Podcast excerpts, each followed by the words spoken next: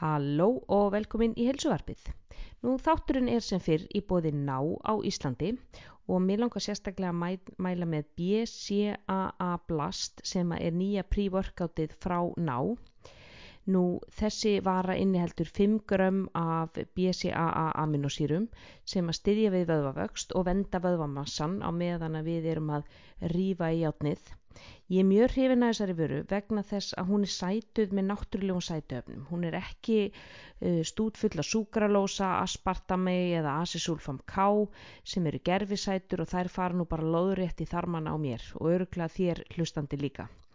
Nú annar stór kostur við uh, þennan BCAA blast er að það inniheldur aðeins 100 mg koffinni en ekki þetta 180 til 250 mg eins og svo mörg önnur pre-workout sem er á markanum núna. En því meira koffín það setur nú bara miðtöðakerfið á mér algjörlega á hliðina og ég get alltaf klára æfinguna því að hjartað er bara á skriljón og þá missi ég nú bara fókusinn og þá langar mér bara heim. Þannig að, að BCA Blast er eh, sagt, ný vara, uh, mjög góð á bræðið, gott að blanda, ég set kreatín út í hana og bara hristi í klaka fyrir æfingu og er að sötra þetta meðan ég er að æfa og svona gefur manni þetta ekstra, ekstra búst. Náfururna fást allar inn á náfoods.is og þeir senda heim og það henda náttúrulega mjög vel núna í COVID þú færð einnig BCA blast í, í uh, allan áfyrirnar í nettobúðunum og svo auðvitað upp í háverslun á linkhálsi 13 en þar getur einnig fundið Houdini sem eru sænskar útivistaföru sem ég gjörsamlega elska uh, Speedo sundfatnaðin Nike, all, allt, frá, allt frá Nike Converse skóna klassísku og Garmin úrin og margt margt fleira. Þetta er bara dóta búð heilsupésans Nú í þessum þætti þá spjalla ég við Átna Björn Kristjánsson. Hann er eigandi og stöðvastjóri CrossFit XU. Nú árið 2009 var Átni Björn 130 kíló með allt og háum blóðþristing en á örfámánuðum þá bara náðan að skafa af sig 30 kíló með því að bara fara í CrossFit. Í dag, árið 2021, er hann kjötaður eins og grist góð og hefur hvorki meirinn minn en þrýsasunni keft á crossfit leikonum í bandaríkjunum. Nú átni Björn á líka langtveikt eh, bann með sjálfgefan genagalla og í þessum þætti opnar hann sig um hvernig þau hjónin hafa þurft að berjast við kerfið til að sækja réttindi sín. Nú Átni Björn deili líka visku sinni sem þjálfari, talar mikið um ólimpíska liftingar, uh, liftingar yfir höfuð og crossfit og hvernig við getum komið í veg fyrir meðsli. Hann er mjög fróðlegur þáttur, Átni Björn er ótrúlega einlegur, hóvar reynskilin maður og mjög gaman að spjalla við hann. Ég vona að þið njótið jafnvel og ég gerði. Gjöru þið svo vel.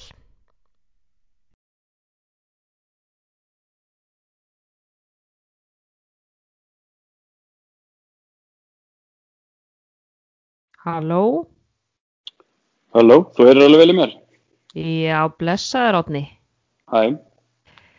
Og velkomin í heilsuvarpið, kæri hlustendur. Ég er með mann á línunni hérna alla leið frá bara Tenerife, sko.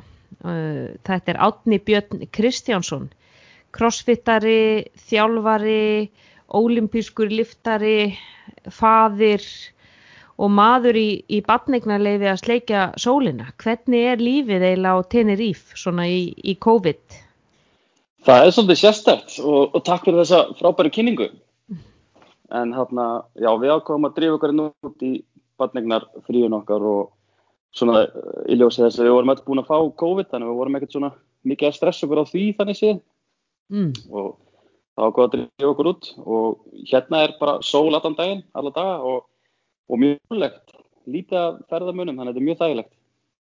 Já, þannig að það er bara greiður aðgangurinn á alla veitikastadi og, og bara óa næs. Já, svona það sem er opið allavega, ég, svona, ég myndi segja að það sé svona, kannski rétt rúmlega helmingur af stöðum sem eru opnir. Já, já, akkurat. En, en það eru örgulega svona einn tíundi ef það að ferðamunum, þannig að það er nóg plás fyrir okkur allstaðar, það er mjög þægilegt. Já, ymmit, ég held að þetta sé akkurat tíminn til að ferðast, ég held að núna sé tíminn ymmit til að fara til Barcelona þar sem að, ég meina maður var hérna bara upp í handakriganum á næsta manni alltaf á römblunni en núna getur maður bara dansa þar um og, og þetta er svona kannski tíminn til að fara að ferðast og sjá þess að borgir og njóta er en ekki vera tróði nýður af, af einhverjum bandberjáluðum breytum.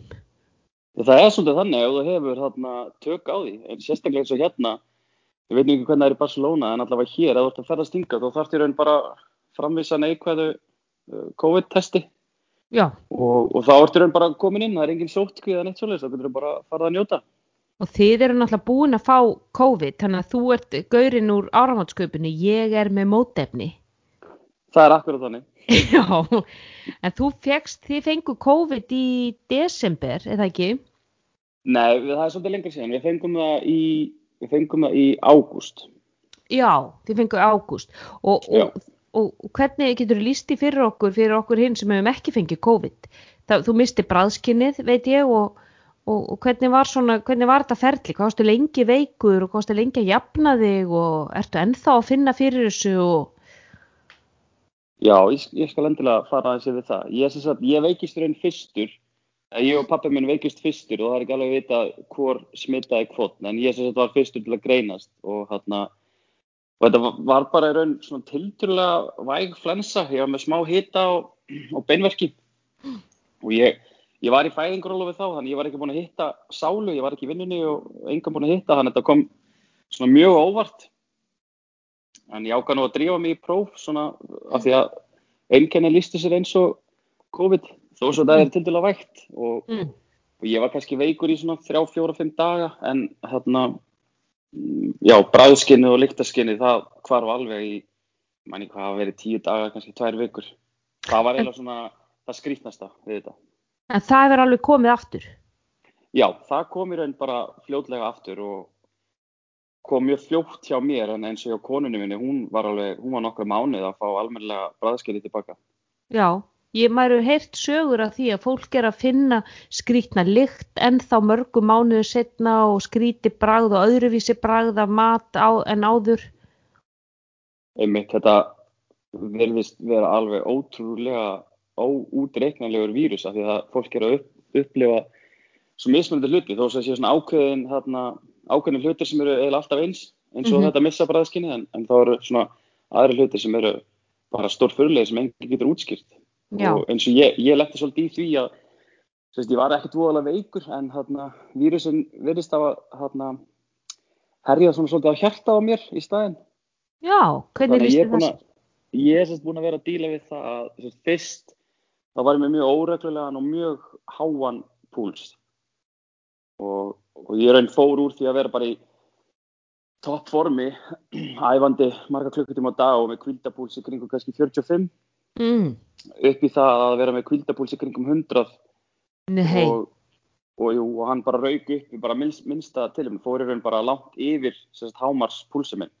Við bara við mjög litla æfingu og Mm. þetta kom, kom bara í ljós þess, þegar ég byrjaði að hægt og rólega mæta aftur í ræktina eftir að vera veikur já, þannig að þetta hefur haft áhrif á æfingarnar þér kannski eitthvað tíma eftir að þú, þú ert hættur að vera veikur. Já, ég er ennþá að eiga við þetta og er á livjum ennþá núna hálfu ári setna við að reyna að stjórna Já, blóðþrýstingnum já, ég held að fólk gerir sér nú ekki alveg grein fyrir einmitt hvað þetta, þetta COVID er alveg. Þannig er þú sko vikingur á burðum, þannig ég meina þú ættir að bara hreisti menni annálað að, að samt veikist þú svona, svona mikið, þú ert ennþá að glíma við eftirstöðvar og svo er maður lesi líka um hana Ástísi Hjálms spjótkastara, hún bara leggst inn á gjörgæslu, þannig að þetta þessi vírus fer ekki mangarinnar álit. Nei, og það er nefnilega akkurat þannig og, og ég hef svolítið tekið eftir að á, ákveðnir aðilar þarna hafa kannski svona litið á hennan vírus svona kannski ekki eins alvarlegum augum og ætti að gera og Mm. telja hann hafi kannski ekki áhrif á þá sem eru heilsurhraustir. Þetta var svona það sem hafa heyrt út undan sig -hmm.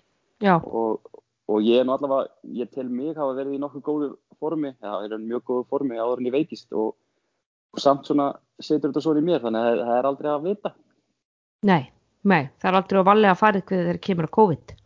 En Alls þú ert til að njóta lífsins á, á Tenerife, en svona þegar þú ert að, að slíta skónum á Íslandi, þú ert eh, eigandi og, og, og þú ert stöðvarstjóri af stöðinni CrossFit X Upsilon sem er í, er, er hún í Garðabæði Hafnafyrði? Já, þetta, þetta telst nú verið garðabær. Já, í Garðabæ, þarna inn í já. yðnaðhverfinu, hann er rétt hjá Marel og, og þar er það ekki. Jú, passar. Já, og, og þið eru búin að reyka þessa stöð síðan hvað, 2017, eða hvað, hvernig stopnuð hana? Nei, við stopnum hana, við stopnum hana 2012, þannig að það er nú alveg svolítið síðan. Já, Og, og ég er, raun- sem sagt, ég er bara, hérna, ég er meðeigandi, ég er einn af, einn af meðeigandum og ég kem inn í þetta bara þegar sem stærsti eigandarnir eru, eru svona að starta framkvæmdunum, þannig ég er búin að vera þarna alveg frá byrjun og, mhm, og búin að þjálfa þarna alveg frá því að við bara opnum fyrsta daginn mhm, og, og þetta er svona minn heimavöllur, það er CrossFit X Uppsala í Garðabænum. Já, og, og þarna eru, eru margar, margar kempur, hann Hjördís Ósk Óskastóttir að, að rífa í átnið og, og hún er nú, hún er nú ansi framalega, maður fylgist nú með henni á Instagram, það er, er vantar ekki kraftin í þá stúlku. Nei, alls ekki, hún er alveg ótrúlega, hún er búin að vera svona minn helsti æfingafélagi, svona undarfærin, hvað, 6, 6 eða 7 ár, þannig að við, við þekkjum stórið mjög vel og, og hefum eftir mikið saman, hún er alveg ótrúlega. Já, þú, sest, þið, þú rekur þessa stöð og, og segðu mér hvað eru svona helstu áskorinnar hafa verið núna í þessu COVID að reka crossfit stöð, ég meina núna er þið náttúrulega búin að vera fyrir barðin á lokunum og opna aftur og loka aftur og svo má þetta margi mæta og, og það er allt sóttrensað og svona hvað hefur verið erfiðast? Já, það sem hefur verið erfiðast eh, var náttúrulega bara að halda okkar kunnum sagt motivated, ef við má sleppa, bara í, í öllu þessu, þessu ferli af því að þetta var svo mikil óvissa. Mm -hmm. og auðvitað var þetta náttúrulega mikið högg fyrir okkur að vera sagt, þau eru að raun loka næst í helmingin af árinu. Og það er náttúrulega alveg ótrúlega mikil skellur. Og, og þó svo það hafi komið til einhverju styrkir frá hérna yfirvöldum þá hvergi næri til að hérna kofra alla þessa lokun. En, en svona helsta markmiðið var bara að halda í okkar meðlimi og halda þeim gangandi, halda þeim við efnið þegar allir eru bara einhvern veginn fastir heima hjá sér, það er ótrúlega erfitt.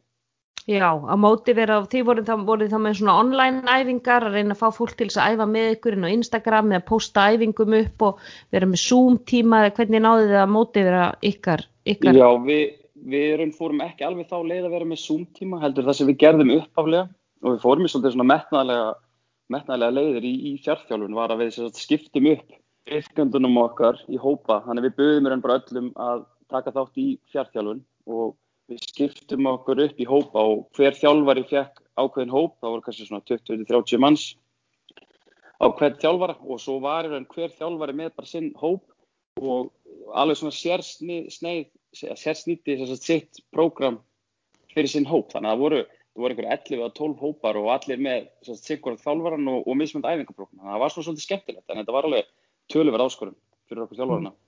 Já, þannig að getur skiptið í hópunum þá eða hvernig, hvernig skiptið í hópunum niður? Nei, í raun ekki, í raun þarna bara, þetta var alveg random hvernig við rauðum fólki niður, þannig að við vorum alla, alla getu, svona, getu hópa bara saman, blönduðum saman Mm -hmm. og, og úr var bara svona mjög skemmtileg áskorun og, og þó svo að það voru ekki allir að gera það saman, það voru allir að gera svona crossfit og bara sínar útgáfur, þannig að þetta var virkilega svona áhugavert tímabil, skemmtilegt og, og áhugavert. Já, og þetta, sko, COVID er alltaf búin að fá okkur öll til að svona, þvinga okkur til að hugsa út fyrir rammana, út fyrir bóksinn og, og hvernig sko, getum við nota tæknina og nýtt hana okkur til svona framdráttar og verið samskiptum. Þannig að hvað plattform voru þið að nota? Voru þið með Facebook-grúpu eða hvernig átti fólk að posta því sem það var að gera? Hvernig fekk það kvartningu og feedback og svo leiðis? Já, við fórum sérst uppála þá leið að nota Facebook-grúpur af því að það, það kom í ljós að það var svona 99,9% líku við af fólkinu var á Facebook og, og með Facebook-aðgang. Þannig að okkur þótti það svona auðveldasta leiðin að stopna Facebook-grúpur utan um hópana og þar settum við inn prógramið og, og þar gáttu þið haft sagt, samband við þjálfarna og fengið feedback þar í gegn. Mm. Og það virkaði mjög vel. Mm -hmm. Já, já. Og, og, og hvernig hefur það verið, þú veist, nú er bara að opna aftur, er, er, er svona, hvernig er stemmingin aftur í, í bóksunni, er það að fá, hvað myndur þú segja mörg mikið prósent að við skila sér tilbaka? Sko ég á svolítið með að segja, þegar nú er ég búin að vera eða í fæðingurólofi í svolítið tíma og var raun farin í fæðingurólofi áður en að opna átti sér stað, þannig að ég er ekki alveg með tölundar á hreinu, en, en ég veit að þarna, fyrst núna þegar þið opnið aftur eftir áramót, þá var, þá var alveg svakalega sprengja, það voru rosa margir sem koma aftur og, og vildu æfa og við fundum alveg fyrir því að fólk var alveg mjög óþreyfullt, þannig að án þess að ég geti sett puttan á einhverja prósendu, þá var alveg góður, góður hópur sem kom tilbaka og, og var mjög dögulegur að mæta.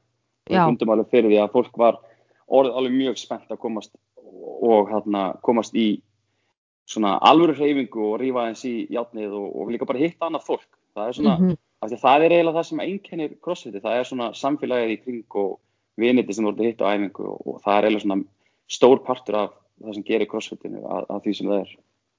Það er alveg 100% það er þetta samfélag og þetta sko að vera innanu um fólk sem er með sömu gildi, sömu markmið er að gera það sam og þú er að, þú veist, við erum að fara í gegnum þessa þjáningu eða þessi óþægindi saman þú veist, við erum að fagna hvert öðru það er einhver sem að fagnar því þegar ég bæti við einni einu kíló á stöngina eða hleypa eins raðar eða fyrstur í mark eða og, og, og það er það sem að crossfit hefur tekist rosalega vel upp, það er þetta að byggja þetta hvetjandi samfélag og við getum allir rifið í játn og ég minn eins og hér í Danmörku er allt, allt lokað og líka sætt að stöður búin að loka síðan 9. desember og þó ég sé með sko flottustu aðstöðu heima hjá mér, ég menn ég með bekk og stöng og rekka og allt, allt sem til þarf, þá er það fólkið. Ég verð fyrsta manneski sem að hangi á hurðarhúninum dægin sem það opnar bara til að komast í fólkið. Algjörlega, ég er alveg 100% sammála þessu og, og þetta er um, allavega svona eftir því sem ég hef kynst í gegnum minn CrossFit feril sem er núna orðin einhver 12 árið eða 13 árið eitthvað er að, er að þetta er eiginlega nummer 1 það sem mm -hmm. fólk er að, er að sækjast eftir það er þetta samfélag, þetta að hitta fólk einmitt sem er með sömu gildi, sem hefur sömu áhuga mál, það sem getur komið og bara eftir einhvern veginn í þínu rétta umhverjum í þínum vinum og, og, ég hef oft líkt þessu við bara nánast eins og hálfgerða félagsmiðstöð sko. Mm -hmm. Mm -hmm. Og sko þú hefur nú ekkert alltaf verið með þessi gildi og þessi markmið í lífinu því að þú varst uh, fóst, stegst svona þín fyrstu skref í, í CrossFit.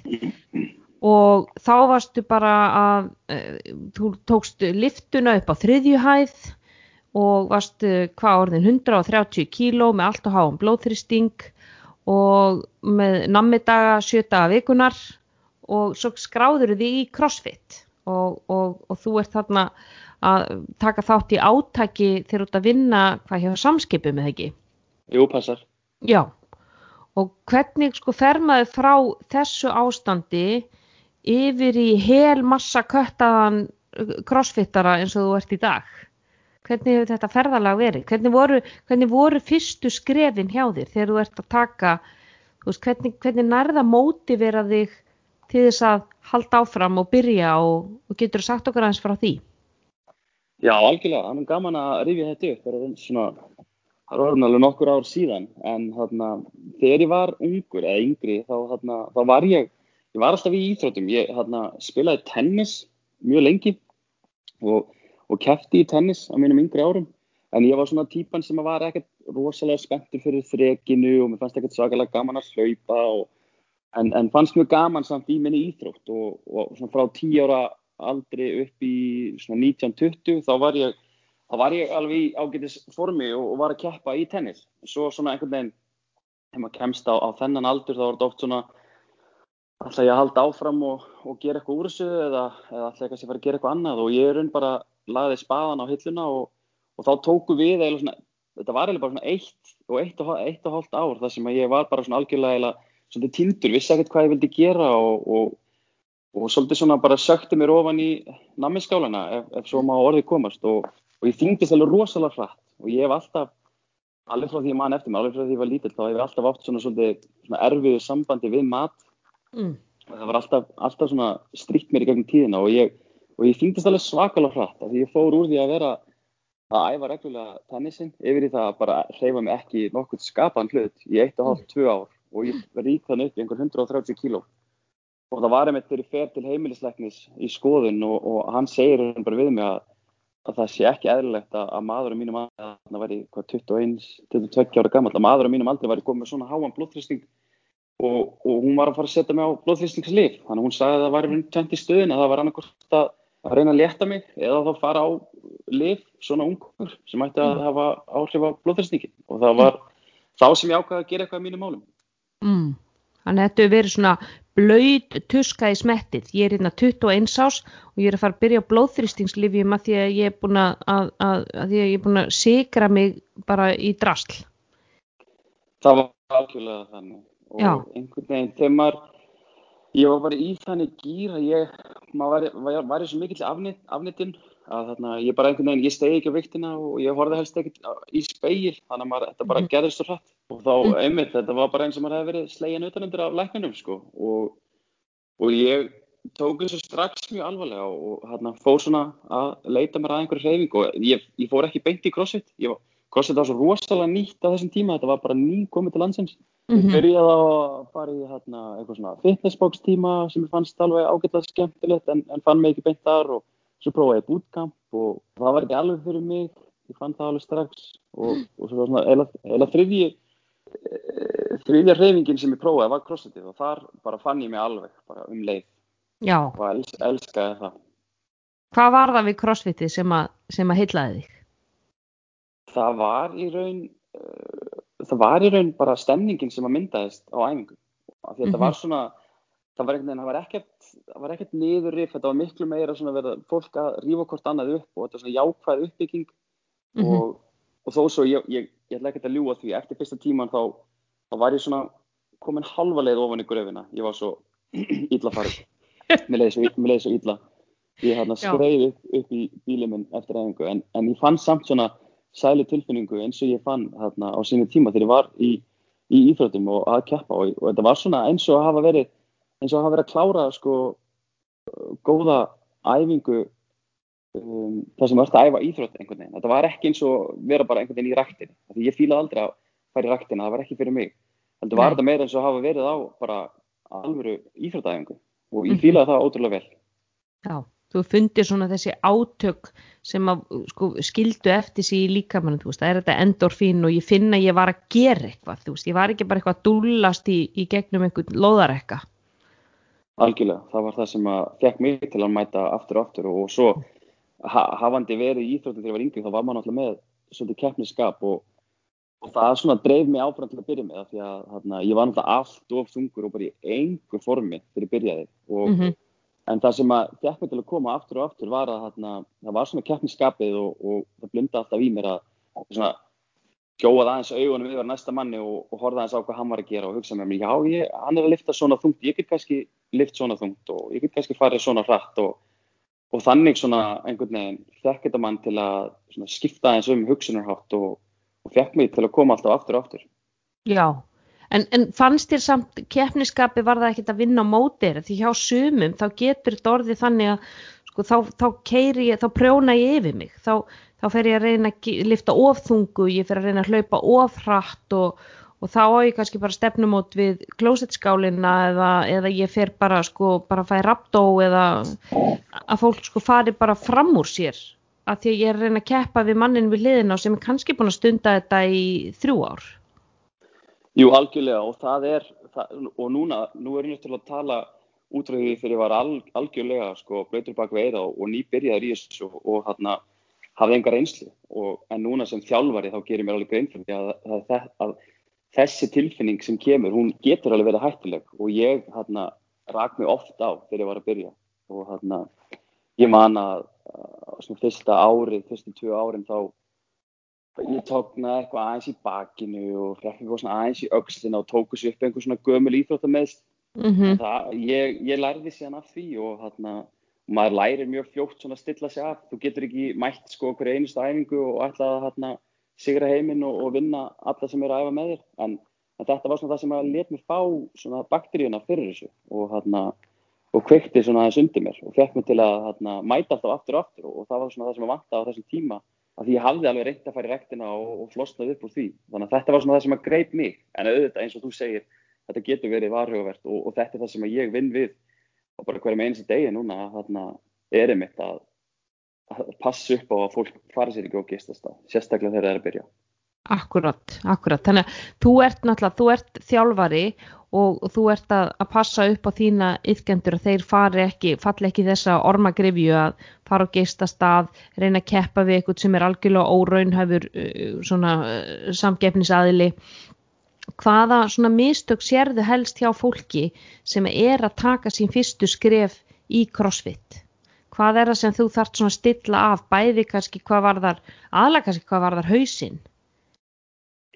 Já, ég myndi segja að það sé svona tvent í fyrsta lagi er það að, að fólk ætli sér raun bara aðeins ofgeist og, og kannski ofmeti aðeins svona sína líkamlega getu. Vil fara að lifta ofþungt ofrætt eða gera til dælu að flóknar fimmleikaæfingar ofrætt án þess að gefa sér tíma í að fara í grunnum og þarna eins og þegar ég byrjaði í crossfit þá byrjaði ég bara á grunnnámskeiði og svo mætti ég bara í, í hefðbundna crossfit tíma í alveg dágóðan tíma áður en ég fór að reyna að fara upp á eitthvað næsta level, eitthvað svona keppnis crossfit. Ég var bara með öllum vennilegu yfkendunum í langan tíma til að svona leifa mér að byggja upp hennar grunn. En, en ég finn það alveg svona í setni tíð af því nú er komið svona reynsla á crossfitið að, að af því að sérstaklega Íslandi hefur crossfitið fengið svolítið svona á sig á ímynda að þetta sé keppnisýþrótt af því að fólk sér Ragnæðisöru, það sér Animis, það sér Katrin Tönju og Björgun Karl og Þurrið og alla þessar krakkar sem er að keppa og, og tengir crossfiti við það að þetta sé keppnisýþrótt. En, en fyrir mér er crossfit fyrst og fremst bara frábær, þarna, frábært uh, kerfi til þess að byggja sig upp og, og komast í gott form. Það er svona nummer eitt.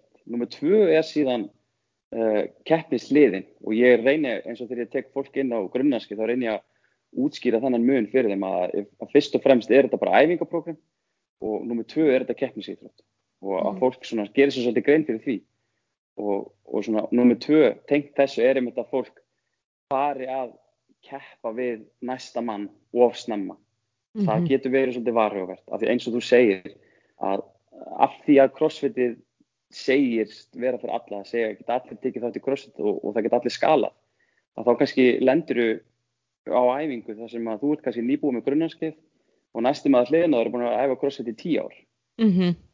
og þá þarf maður svolítið að passa sig að líka fara að keppa við hann og það er mhm. svona það sem að þjálfarinn þarf að stýra, svona kannski smá væntikastjórnun eða eitthvað svolítið Já, akkurat.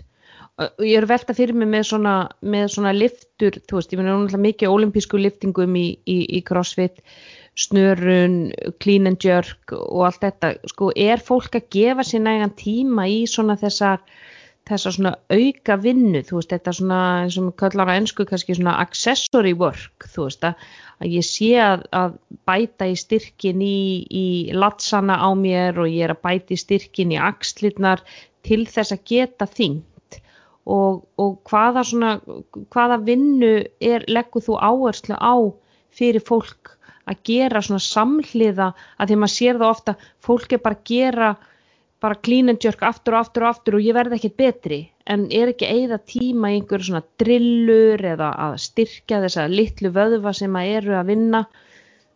Hva, hvaða, hvaða vinnu lætu þú þína yfkendur gera sem að hjálpa þeim síðan til þess að bæta þingd á stöngina?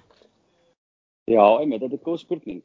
Og, og þetta er kannski svona einn af þessum hlutum sem að þarna, er búið að þróa svolítið bara með crossfitinu og, og ég held að þær stöðvar sem að þarna, þrýfast í dag eru þær stöðvar sem hafa leift sér að, að kafa kannski aðeins dýbra ofan í uh, þjálfræðilega hlutan baku crossfitið og, og fara svona kannski aðeins út fyrir þetta hefðbunna crossfit norms eins og það byrjaði, eins og það byrjaði þá var þetta bara ein æfing sett upp og, og 3-2-1 go og núna gerur æfinguna. En þarna í dag þá er það svona búin að vera svona ákveðn þróun að eigast í stað og, og, og uh, þjálfarar farnir að fara aðeins e, dýbra inn í reyfingarnar, hvað virkar, hvað virkar ekki, hvað þarf að varast e, og þar er einmitt þessar flóknu æfingar eins og ólimpísku liftunar, eins og flóknu fimmleika æfingar. Og að fólk gerir sér grein fyrir því að þó svo að crossfit er fyrir alla, að þá er kannski ekki fyrir alla að fara í ákveðnar æfingar strax og það þarf að byrja á ákveðnum grunni við gerum fólki uh, alveg grein fyrir því strax á grunnanskiði að, að við kennum ákveðnar hreyfingar og við setjum þar inn í prógrami, við setjum inn flóknar hreyfingar. En við erum ekki ætlast til þess að allir geti gert þær strax heldur að það markmiðið að geta gert þær á einhverju tímapunkti. Mm. og þannig í raun vinnum við okkur upp. Og við byrjum bara með trygg í snurun sem dæmi. Og ef við sjáum að þú kemst illa í ákveðna stöðu með trygg mhm, eða bara jafnvel kemst ekki í hnepu með, með bara eigin líkasting að þá þarf að taka skrefið tilbaka og finna út hvaða er sem að veldur, hvort það séu stífar axlir, stífar mjadmir, stífar öklar og þá reynum við að leiðbeina fólki svolítið í þá átt að geta unnið í sínu veikleikum. mhm, mhm. Þannig Og- hvað, hvað er sem þú sérð helst hjá fólki? Er það, er það, sko því nú náttúrulega veist, oft er þetta fólk sem vinnur á skrifstofu fyrir sinn crossfit tíma á mótnana eða, eða setnipartin, fólk sem situr mikið við vinnu, ert að sjá mikið stífar mjadmir af þeim orsökum eða þú veist, er það, er það þessi forward shoulder, þú veist að fólk er að vinna mikið við tölvu, þannig að axlirnar eru að rúlla fram, þú veist, hvað, hvað er það svona helsta sem þú sérð hjá fólki? Já, þetta er, þetta er alltaf þessi þrýr hlutir sem að maður spottar um leið. Það eru axlirnar, mjadmyrnar og öklarnir. Þetta er svona, þetta þrengt sem maður er alltaf fylgjast með svona frá byrjun. Og ég, ég allavega ekki alhæfa en mér finnst svona algengra hjá kallmönnum að þá séu, séu það axlirnar sem eru svolítið framstæðar. Og maður þarf að vinna svolítið mikið í því. Og það getur verið ímislegt, það getur verið að þarna, menn vinni bara þannig vinnu að axlirnar rúli fram eins og þú segir, vinni við tölvu eða það getur líka verið að menn hafi kannski verið aðeins og döglegir í backpressun í gamla daga eða verið í handbolta, fótbolta og kannski ekki sint aukslunum og vel, þannig að það er svona ímsar ástæðar sem geta leiðið að baki en þetta eru svona hérna, axlirnar oftast, svo mjadmyrnar og svo og, og öklarnar. Svona, þetta er svona það sem er fylgist með. þú talar einmitt um öklana, ég var með hana Silju Úlfars í podcasti hjá mér og hún talaði um sko í tengstum við hlaup að það eru svona það sem hún kalla dulluöklar það eru svona öklar sem er einhvern veginn ekki með neitt styrk og fara bara einhvern veginn. Og, og er ekki svona nógu sko stífir til þess að sko sért að taka nógu vel á móti í hlaupunum.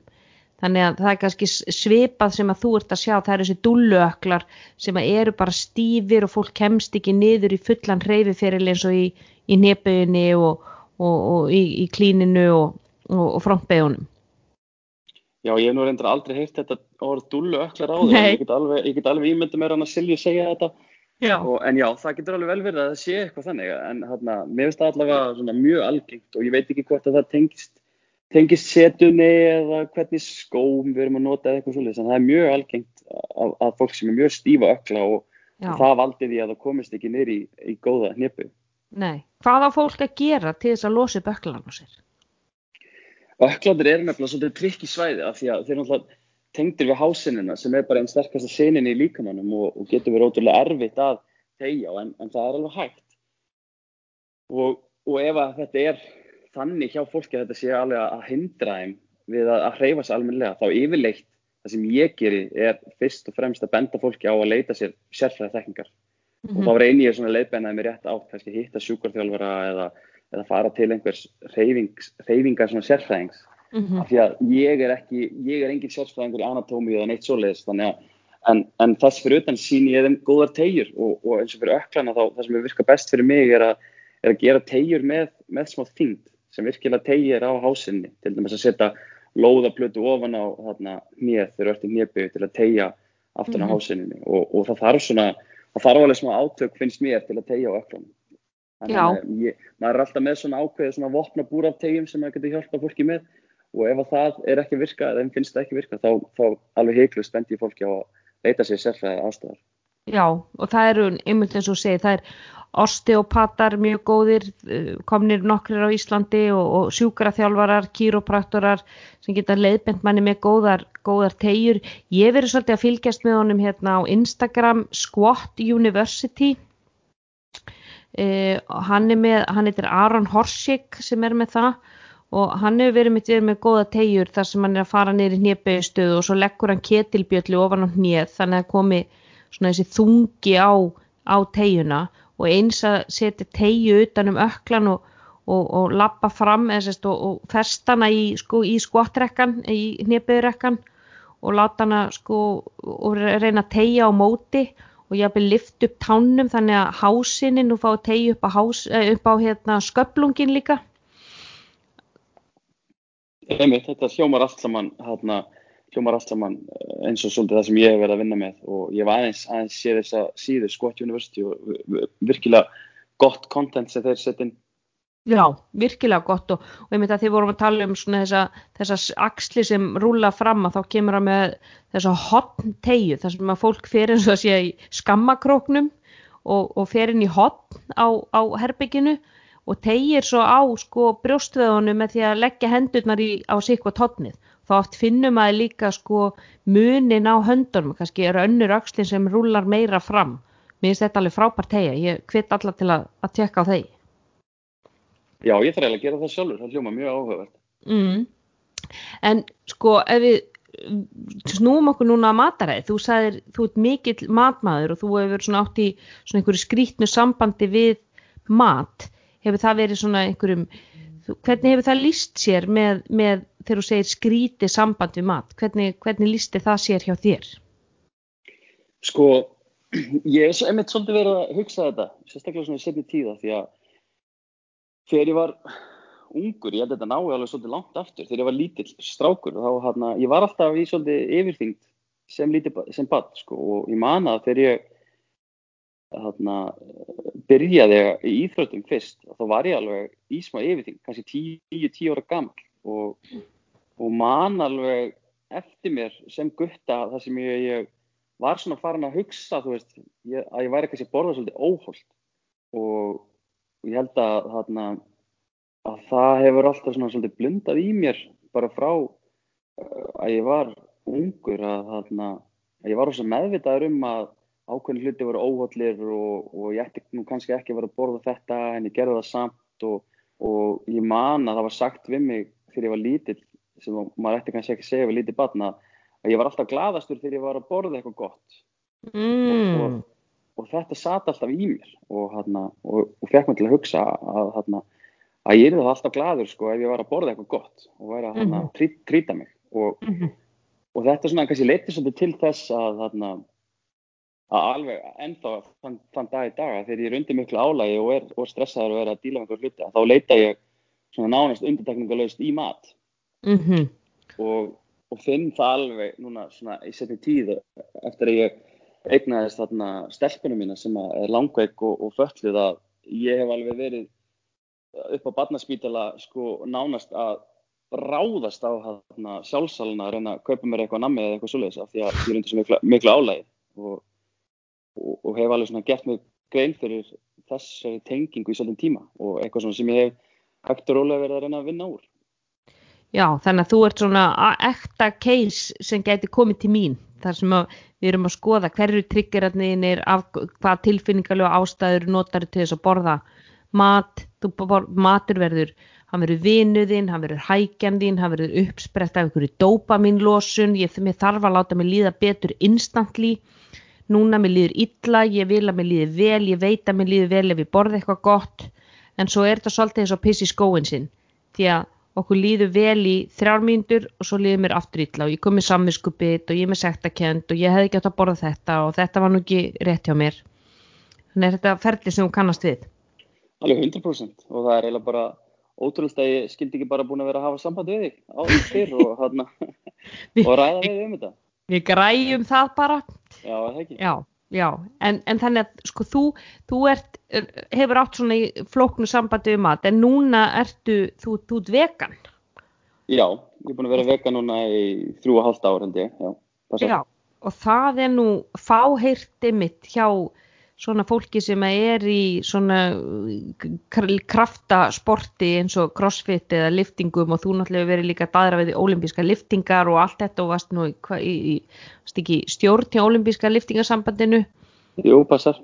Já, þannig að sko það að vera, vera vegan, ég meina Hulda Voge er, er, er vegan og, og þeir eru svona eiginlega eina, eina fólki þessum geira sem að allavega ég veit um og eru svona framalega. Að því nú hafa verið svo marga mýtur um það að þú getur ekki fengið nóg prótín þegar ert vegan og þú bara deyrða B12 skorti og hárið dettur af þér og ég veit ekki hvað og hvað. En þú eru eða þið allavega hafi náða að afsanna það. Já, það er til alveg þó nokkur á mýturnar um hérna veganmatra. Ég hef búin að læra það eftir ég var vegan. Það er alveg rétt hjá þér. En Mhm. hérna, kannski, kannski nefna hana líka hana önnuhildu. Ég held að hún hafi, Já. örugglega- hún var örgulega vegan á undan mér og búin að vera að keppa í crossfitinu alveg mjög lengi. Þannig að við erum svona, við erum nokkur, en, Mhm. en, en ég er alveg sammála, þetta, þetta, þetta er algengt en þetta er að færast í aukana og að, þarna, að íþróttafólk sé að leita í blöndi með matræði eða vegan matræði. Já, þú þarf náttúrulega að vera svolítið úthugsaður með sko prótingjafana þína því að mm, þegar það er svona, það er erfiðar að fá það úr blöndi með matræði heldur en ég bara slengi hérna einni kjúklingabringu á diski minn. Þannig að, að þú, hvaða prótingjafa svona notar þú? Þú veist, ert í umfinu eða, þú veist, seitan eða tofu eða hvar fær þú því svona þitt prótin helst? Já, maður þarf svona aðeins að, kannski svona til að byrja með, þá þarf maður að sökka sér aðeins ofan í þetta, þetta er aðeins öðruvísi heldur en að borða bara þetta hefðbundan fæði og, og einmitt, ef þú ætlar að passa upp á próteinotkununa, þá þarfstu svolítið að kafa onni í þetta og, og, og kannski til að byrja með að finna svolítið út hvað þú þarft mikið af próteini, svona sirka, það þarf ekki að vera kannski upp á gram, en þarna, af því það er mjög algengt að fólk er kannski að borða allt og mikið prótein líka. Og ég lærði það einmitt, þegar ég fór aðeins að, að kafa ofan þetta eftir að vera vegan að ég var á sínum tíma að borða eiginlega of mikið prótein held, heldur en hérna kolvetni og, og af því að ég er í þannig íþrótt að svona megin markmið í minni íþrótt er ekki beint að byggja upp vöðva eða, eða verða sem stæstur eða, eða vöðva mestur af því að það, þá hæg ég bara á mér í öðrum hlutum heldur er þarna uh, miklu frekar mitt markmið í, í crossfit og, og svona þannig íþrótt að einmitt svona auka recovery og, og passa að ég hafi nóga orku í mér. Þannig að ég lærði það að ég eiginlega meira af kolvetnum og, og aðeins minna af prótinum og, og þarna síðan þegar ég var búin að finna svona cirka út hversu mikið ég þurfti að borða prótinu þá, þá einmitt fór ég í það að svona, hva, hvað, hvað virkaði best fyrir mig og það sem ég hef svolítið uh, verið að nota og vinna með er einmitt bara reynd tofu og gert þannig bara ímislegt, tofu hræru eða, eða svona tofu kuppa eða eitthvað svo leiðis. Þannig ég reyna að borða það mest sem prótengjafa og síðan fyrir utan það þá hef ég verið að borða svona hálfgeft, eða kalla kjöt líki og það er svona þetta umf eða, eða seitan eða þarna tempe sem er svona, prótengjafar og er svona á að líkjast eftir einhverjum dýraafverðum. Mm -hmm. Ég meina umfið er náttúrulega bara eiginlega eins og kjúklingur og, og, og ég tók nú Karl föðu minn aldeilis í bakarið og, og eldaði fyrir hann umf og sagði, já papp minn, hérna komi þessi fíni kjúklingaréttur fyrir þig já, og hann borðaði þetta allt með bestu list og já, þetta var alveg rosalega gott og svo segi við hann eftir að þetta var náttúrulega ekki kjúklingur, þetta var sojakjött sojakjött nei, nei papp minn, sojakjött ha, og hann ætlaði ekki að trúa því sko. Þannig að þegar ég passaði mig á að segja hún að ekki fyrir nú að maður búin að borða.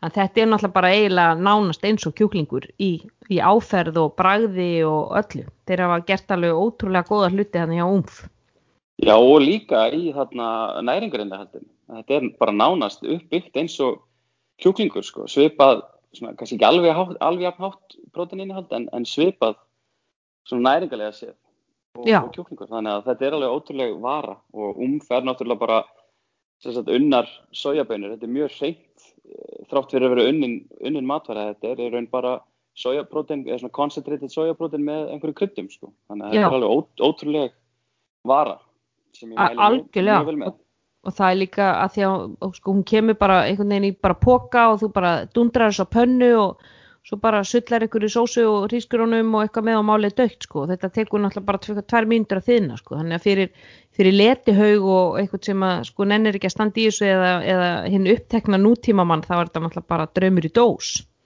Mitt og engin hægt á að veikjast eins og þú getur gert ef þú borðar ráan kjúkling. Akkurat. það er ekkert salmó.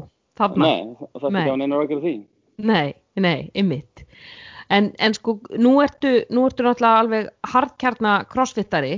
Hvernig er það að stunda crossfit þarna á Tenerife? Er, er eitthvað crossfit menning þar? Já, það er nefnilega svolítið crossfit menning hérna. Það er, ég komur á óvart.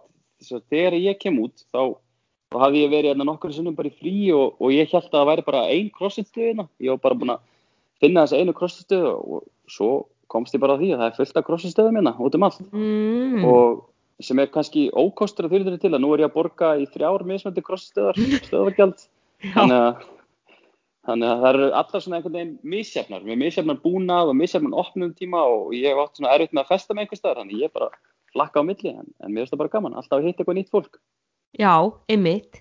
Og svona eh, stækka netverkið og ég man þegar ég var að æfa einhvern tímann á Spáni að þá, þá það sem að fa- fór í mest einhvern veginn í mig að þeir, þeir opnuðu svo seint. Já, þeir eru einhvern veginn á allt öðru tímabelti heldur en við sko þegar það kemur að, að því að þeir eru með opið lengur en opna, opna mun setna já, það tók mér smá tíma að vennast þessum opnutímum og þeir eru flestir að kannski að opna klukkan níu mm svo lo loka er kannski klukkan 12 og opna aftur klukkan 5 Já, þeir taka síðast.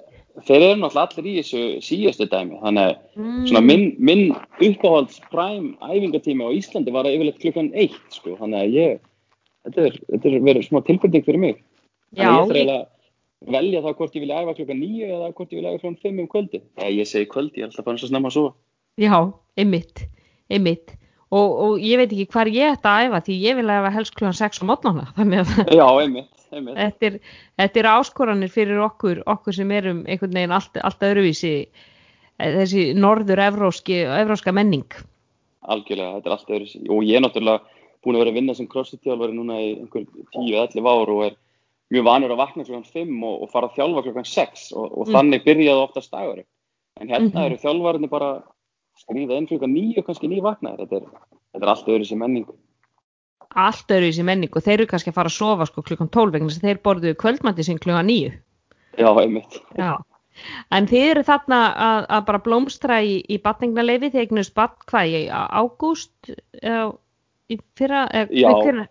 já, 30. 30. júli 30. júli þannig að þið eru bara að sleikja sólina í batningnaleifi og þið eru með dóttur ykkar þú, þú eh, nefndir það eins áðan og, og, og hefur verið mjög opinskár með það, þið er eina langveika dóttur og hún er með sjálfgjafan genagalla og, og mikið flogaveik eða ekki bundin með hjólastól og á erfitt með að tjá sig. E, e, hún, síðast, síðasta sem ég las var að hún hefði væri komið fjögur orð. Hefur, hefur bæst eitthvað við hjá, hjá henni með það? Já, hún er sem sagt já, þetta er allt, allt saman rétt sem hún tekur fram þarna. Hún fæðist með hennan sjálfgefa genagalla sem hún erfir raun frá okkur sem er alveg víst, ótrúlega litla líkur á að það gerist af því að við erum sérst bæði með þetta gallaða gen og, og þegar að tveir aðlar koma saman sem eru með svona gallað gena þá getur það komið fram í svona uh, sjúkdómi hjá barninu þó svo að það sjáist ekkert okkur og við finnum ekkert fyrir þessu.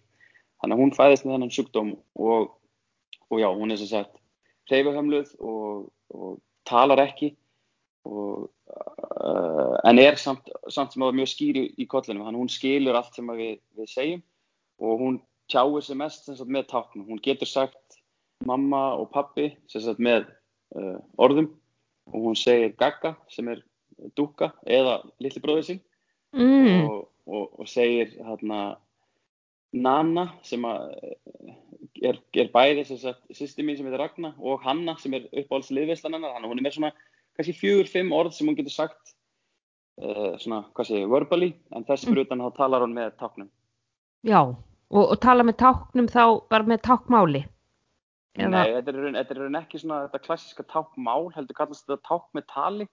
Já, og, og er meira nota sagt, fyrir börn sem að geta ekki talað eða eru með einhvers konar hreyfuhömluna því að hún á rosalega erfitt með allar fínhreyfingar þannig að það er uh, svona ó, ólíklegt að hún muni geta talað sem sagt, þetta hefðbunda tákmál sem er svolítið svona og þarf alveg góðar fínhreyfingar í höndum og puttum til þess að geta gert það Mm. þannig að þetta er meira, þetta er sérst annað sem heitir tákn með tali sem hún Mm. hefur verið að vinna með sem að þið hafi þá væntalega þurft að læra líka.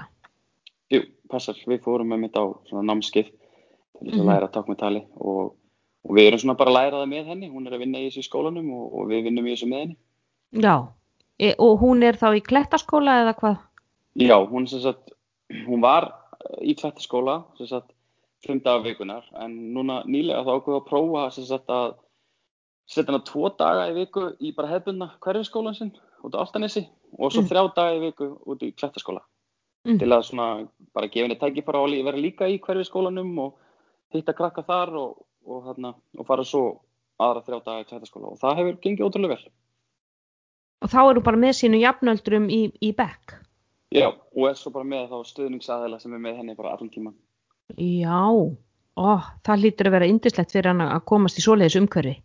Já, hún náttúrulega alveg elskar það, af því hún er svo mikil félagsverða, þannig að hún alveg bara dyrkar það að vera í kringum börn og, og fá að leika við jafnaldra sína.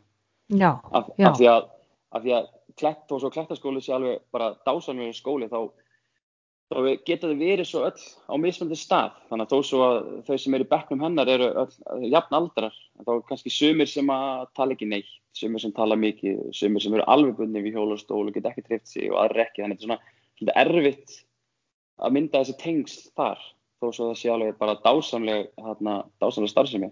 Það var svo gott fyrir hann að geta líka farið bara í hefðbundin skóla og, og svona leika við innan gæðslega venjuleg börn. Það er ótrúlega gott fyrir hann Mm -hmm, og örvar þetta hennar félagstroska í leiðinni og á öðrum sviðum og svona fá að speikla sig aðeins í jafnöldurum sínum og, og finna svona kannski sitt svona identity líka. Algjörlega. En nú sko veit ég að þið hafið þurft að berjast aðeins svona við kerfið veist, hv- hvernig, hvernig hefur það líst sér? Þið, þið svona ekki fyndist þið að fá nógu mikinn stuðning þegar að kemur því nú erum með mjög sjálfgefan sjúkdóm sem að kannski kerfið þekkir ekki vel hvað svona finnst þér mætti betur fara í kerfinu fyrir fóreldra langveikar barna Já, þetta er, þetta gæti alveg verið efni í annan þátt. Það er spurning hvað hefur, hefur langa tíma.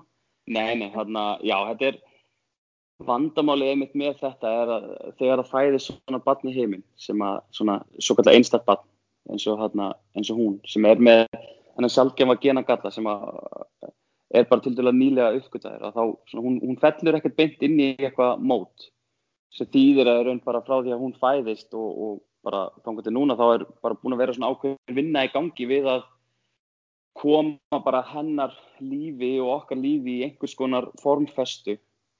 Og, og vandamáli þar er bara að kerfið á Íslandi og örgulega öðrum stöðum líka, ég get alveg ímyndið mér að segja þannig hérna á Spáni líka, kerfið er bara svolítið hægt að taka við sér og, og það, það þarf mikið til að það komi einhvers konar breytingar þannig að við erum búin að vera uh, þurfum að berjast lengi fyrir ákveðnum hlutum eins og við sóttum um uh, NPA sem er sérst notenda stíð personubundin uh, aðstóð mm -hmm. og það sem átti að geta verið með aðstofamann með þér og, og það var svona ekki allir sammála innan kerfisins hvort að það ætti að vera bara fyrir fullornaðila eða hvort það væri fyrir börn líka og, og svo fengum við það samþygt og þá stoppar það hjá sveitafélaginu af því að það er ekki til fjármagn og en þetta er svona það er svo oft sem maður kemur að svona, hvað ég segja, kannski ekki alveg lokum dyrum en, en svona dyrum sem maður þarf svolítið að íta, íta við til þess að það er opnist sko. sem er Mm. er svo ótrúlega líjandi þegar þú ert einmitt, þú veist, verkefni okkar nummer 1, 2 og 3 er, er hún og, og hennar velferð og að, að þarna sjá um hana en, en það þurfa svo að vera að eyða ótrúlega mikill orku líka einhvern veginn í að, tækla kerfið og, og fá þau réttindi sem hún á í raun að fá sem eiga að vera treyðið samkvæmt lögum þá svona einhvern veginn á ákveðinu tímapunkti þá bara er ekki orkan alveg til staðar sem getur verið svolítið erfitt þegar ert í þessari stöðu að vera Mm. fóröldar langveiksbats. Mm. Þannig að það er ekki alveg, það er ekki alveg á skýru með, er þetta svolítið computer says no? Já, það getur verið það og, og í sumum tilfellum er það bara alveg klárlega þannig. Eins og ef maður að- bara svona gott dæmi er að við hérna ætlum að sækja um uh, stól fyrir hana. Að því hún notar svona sérstakann stól þegar hún fyrir á klósetið, svona kallast klósetstól Mm. og, og við vorum að sækja um þannig á sjúkratryggingum. Og, og þá sagt var hún, hún er með tvo þannig stóla. Einn heima og einn í klettaskóla og við ætlum að sækja um þriðja stólinn af því að hún var að, fara í annan skóla þannig að, þá var hún komin í tvo skóla Mhm. og þá kemur raun bara svar tilbaka frá sjúkratryggingum Íslands og segir bara nei því miður, hún getur ekki fengið þetta samþýtt af því hún er með tvo stóla Þannig að það var ekki, var ekki, ekki inn í kerfinu að, hún gæti fengið þriðastólin. Nei, þannig að það er í raun bara að líta á það þannig að hún getur farið á klósettið á tveimur stöðum, heima hjá sér og í klættaskóla en ef hún ætlar að fara á þriðja staðin þá gjör svo vel þá er hún bara að redda sér. Já, þannig að helst ekki pissa á þú á þriðastafnum. einmitt. Og þetta er Mm. svona svolítið sérstætt þetta er svona eh, hluti svona þegar maður er í þessu og er foreldri batsins þá er maður bara svona getur ekki annað en gripið aðeins um hérna, andlita á sér og, og hugsa með þessu bara hvernig hvernig er þetta hægt, hvernig, hvernig getur uh, þú veist, stopnunin sagt nei þarna, skiljið, þegar það verður að tala um eitt stól, þetta er svona og, og ég setti þetta einmitt á neti og fekk smá umræðum um þetta og það var veist fullt af fólki sem að vildi sko hérna bara reynilega kaupa stólinn fyrir hana. Ég sagði bara, veist, það er ekki, það er ekki vandamálið. Vandamálið er hvernig kerfið virkar. Að, að þetta á ekki að virka svona. Já. Kerfið á að vera til þess að, að aðstóða þá sem eru, þú veist, fallaðir og, er langveikir og þurfa virkilega á hjálpina að halda.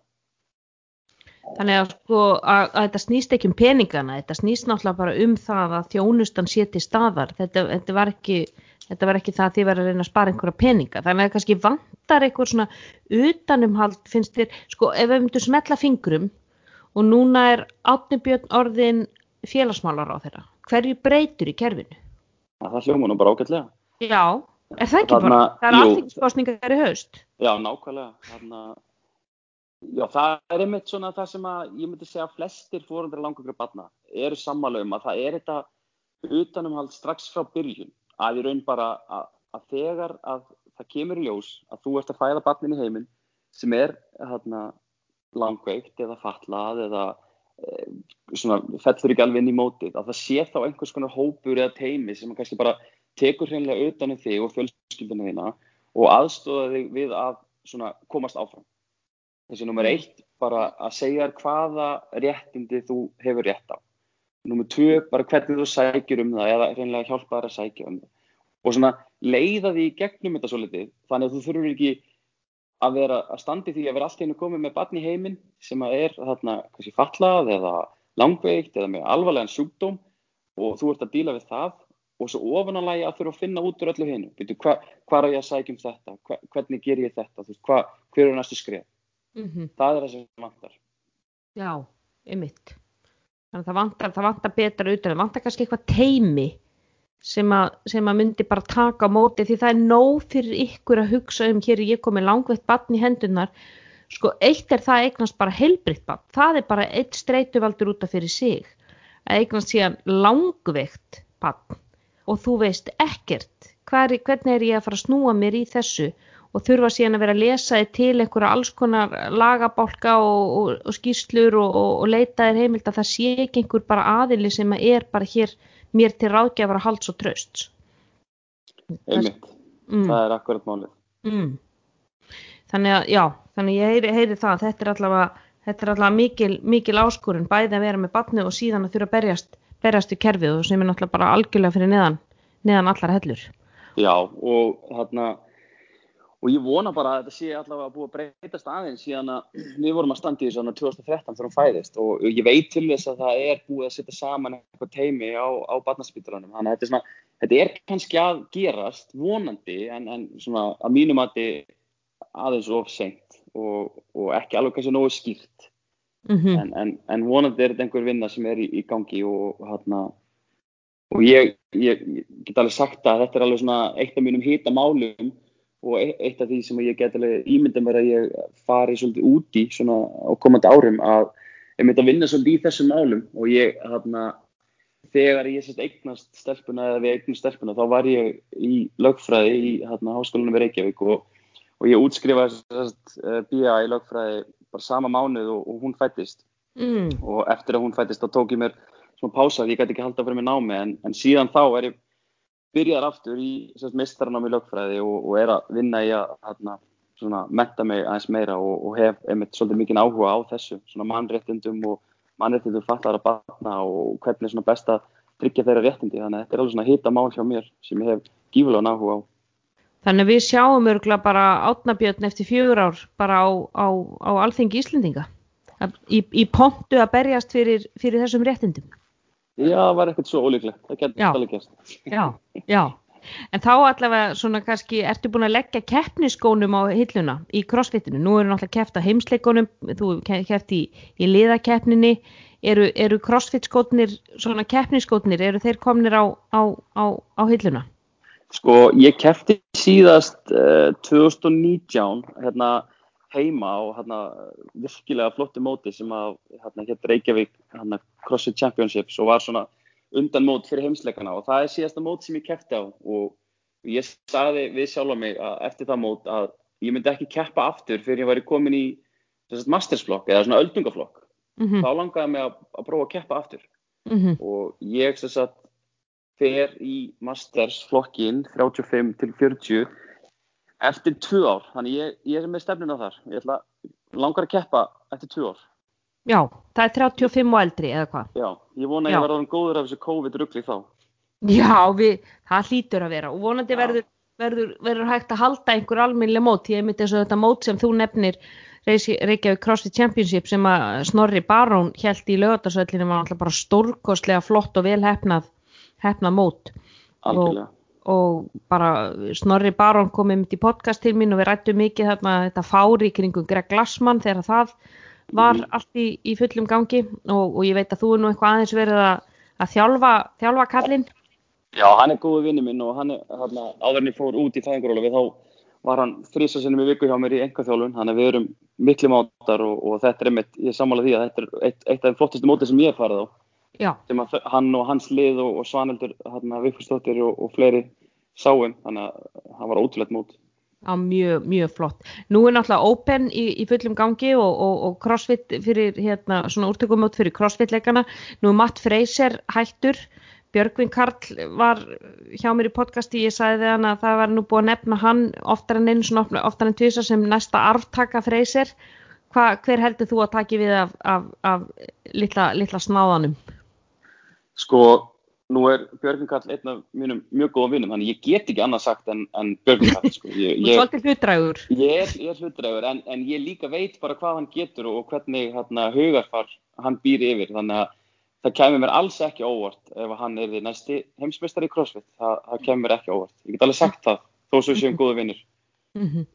Mm Þannig að ef ég ætti að setja pening á einhvern, þá myndi ég örgulega setja pening á hann. Já, þannig að þið verður kannski saman á palli hann í einstaklingskeppni og þú í Masters. Já, hvernig væri það? Hvernig væri það? Eru það ekki bara fín lokaorð?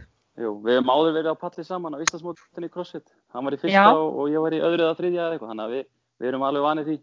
Þið eru vanið til að, að fagna saman hann Já. uppi.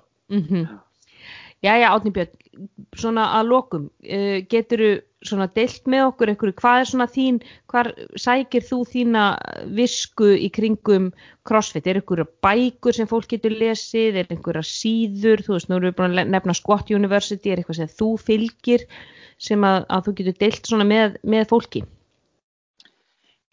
Uh, nei, í raun ekki, ekkert svona sem að, hérna, uh, svona sem poppar upp. Ég, hérna, ég er svolítið old school þegar kemur á CrossFitinu, búin að vera rosalega lengi í þessu og, og ég er bara svolítið búin að þróa svona mínar eigin leiðir og, og hérna, ég hef náttúrulega lengi verið að fylgja ákveðnum æfingar, æfingarkerfum og prógramum og var lengi að fylgja Misfit sem er eitt besta CrossFit prógram að mínu mati og, og hef núna í setja tíð verið að fylgja ákveðnum prógrami sem heitir Jump Ship. Og það er svona þau æfingakerfi og, og þeir þjálfara sem ég lít mjög mikið upp til og hef verið að vinna með.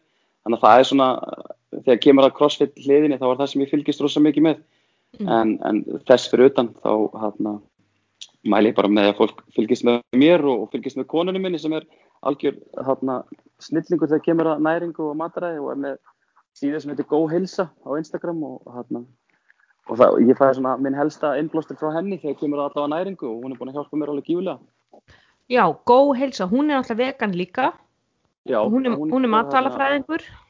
Já, hún er sem sagt tók BS í, í næringafræði og svo master í matvælafræði og, og það eftir svona hennar passion og það er þarna að, einmitt, hjálpa fólki með þarna mataræði sitt.